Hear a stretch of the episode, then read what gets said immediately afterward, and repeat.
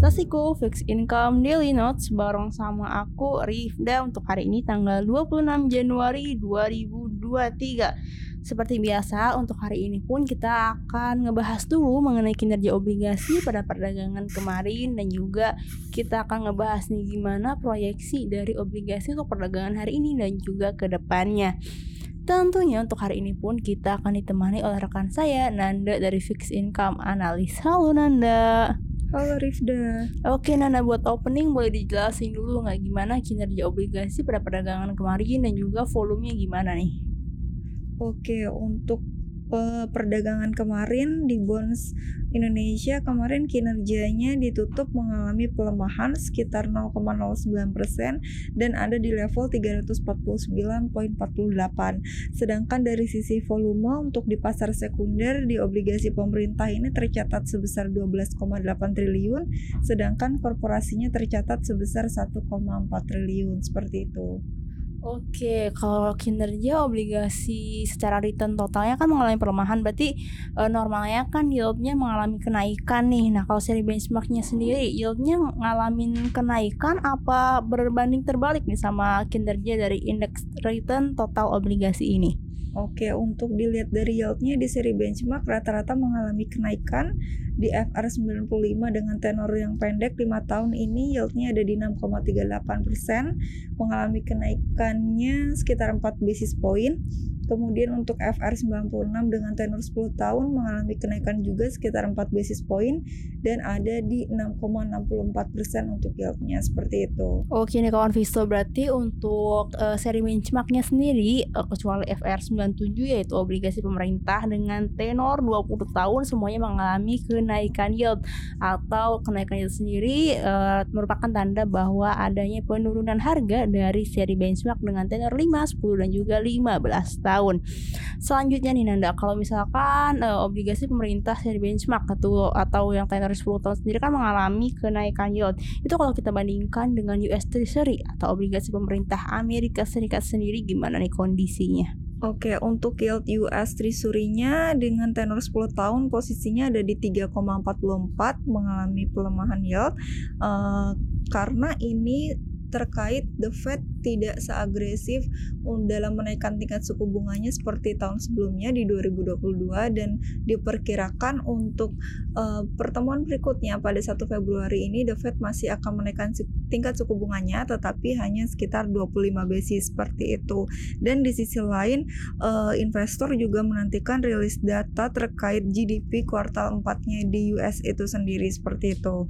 Oke, eh ini kalau Vito buat informasi juga uh, se sebelum sebelumnya aku sama Anda sempat diskusi dulu yang Vito. Jadi uh, kenapa sih obligasi itu uh, reaksinya lebih dulu dibandingkan dari data moneter atau data makro yang rilis. Jadi uh, obligasi reaksinya lebih dulu nih kalau Vito. Jadi kita bisa uh, jadikan yield atau data dari obligasi khususnya seri benchmark atau tenor 10 tahun yang bisa kita jadi pacu, acu, acuan sendiri buat kita bisa ngelihat nih kira-kira nanti kebijakan makro ke depannya gimana. Dan dilihat dari US Treasury sendiri yang menunjukkan bahwa yield yang mengalami pelemahan, pelemahan itu bisa menunjukkan bahwa nanti ke depannya dari The Fed sendiri atau Bank Sentral Amerika Serikat akan uh, menaikkan tingkat suku bunga dengan tidak agresif di mana untuk proyeksinya sendiri dari para analis itu uh, kenaikan tingkat suku bunga yang akan ditetapkan The Fed periode selanjutnya hanyalah 25 basis point seperti itu.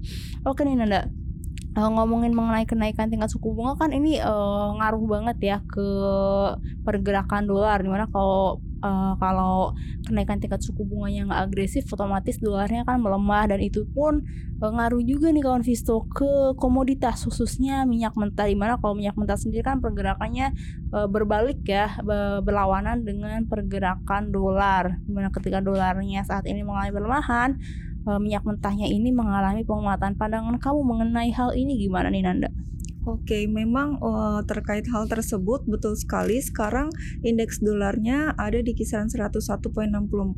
Jadi indeks dolar saat ini melemah dan ini salah satunya diakibatkan dari yang sudah dijelaskan terkait The Fed yang sudah tidak agresif dalam menaikkan tingkat suku bunganya dan di sisi lain sendiri ada indikator lain dari US crude oilnya inventorisnya memperlihatkan bahwa uh, mengalami kenaikan sekitar setengah juta barel. Tapi kenaikan ini uh, tidak uh, sesuai dengan yang diekspektasikan oleh para analis seperti itu. Jadi masih kurang dari yang diekspektasikan atau diperkirakan. Jadi membuat harga minyak uh, meningkat dan didukung dari kondisi Cina sendiri ya. Sekarang ini sudah reopening, jadi artinya aktivitasnya sudah mulai kembali pulih, perekonomiannya diharapkan seperti itu ke depannya. Tentunya uh, ini akan membuat ke depannya harga minyak mentah akan kembali uh, berpotensi menguat seperti itu dan dilihat juga uh, Eh, data terakhir juga pagi ini terlihat uh, dari WTI-nya sendiri mengalami kenaikan, brandnya juga mengalami kenaikan seperti itu. Oke, jadi memang uh, pergerakan dari harga minyak sendiri ini sangat terpengaruh nih kawan Visto sama kebijakan The Fed. Di mana itu tadi juga ada salah satu faktor selain dari faktor makro yang nyebabin harga minyak ini mengalami penguatan, tetapi juga ada faktor dari demand karena Cina yang reopening seperti yang anda sampaikan, sedangkan pasokannya sendiri ini kenaikannya nggak sesuai ekspektasi sehingga kalau pasokannya naik yang sesuai ekspektasi itu bisa menimbulkan adanya uh, over demand di mana supply itu nggak bisa menutupi dari demand-demand yang ada sehingga itu terus berpengaruh untuk uh, menggerek kinerja dari minyak mentah baik itu uh, jika kita lihat dari WTI, WTI atau dari brandnya sendiri ini sama-sama mengalami kenaikan. Lalu untuk dari awitnya sendiri uh, sepanjang tahun 2023 dari bulan Januari awal ini kenaikannya sudah sampai 4,18 persen nih kawan Visto. Uh, terakhir ini Nanda, pandangan kamu buat yield obligasi untuk uh, seri benchmark 10 tahun untuk hari ini kira-kira berada di yield berapa nih Nanda? Oke, untuk uh, dengan tenor 10 tahun yieldnya diperkirakan ada di kisaran 6,64% sampai dengan 6,74%. Seiring dengan uh, kita menantikan rilis juga data dari US GDP-nya seperti apa. Uh, kemudian di sisi lain ini uh, sedang menantikan juga minggu ini karena minggu depan The Fed sudah mulai mengumumkan uh, perihal kenaikan tingkat suku bunganya berapa basis point kenaikannya seperti itu. Oke Nanda, terima kasih nih penjelasannya. Semoga itu uh, bermanfaat ya buat kawan Visto untuk yang mau masuk ke uh, pasar obligasi.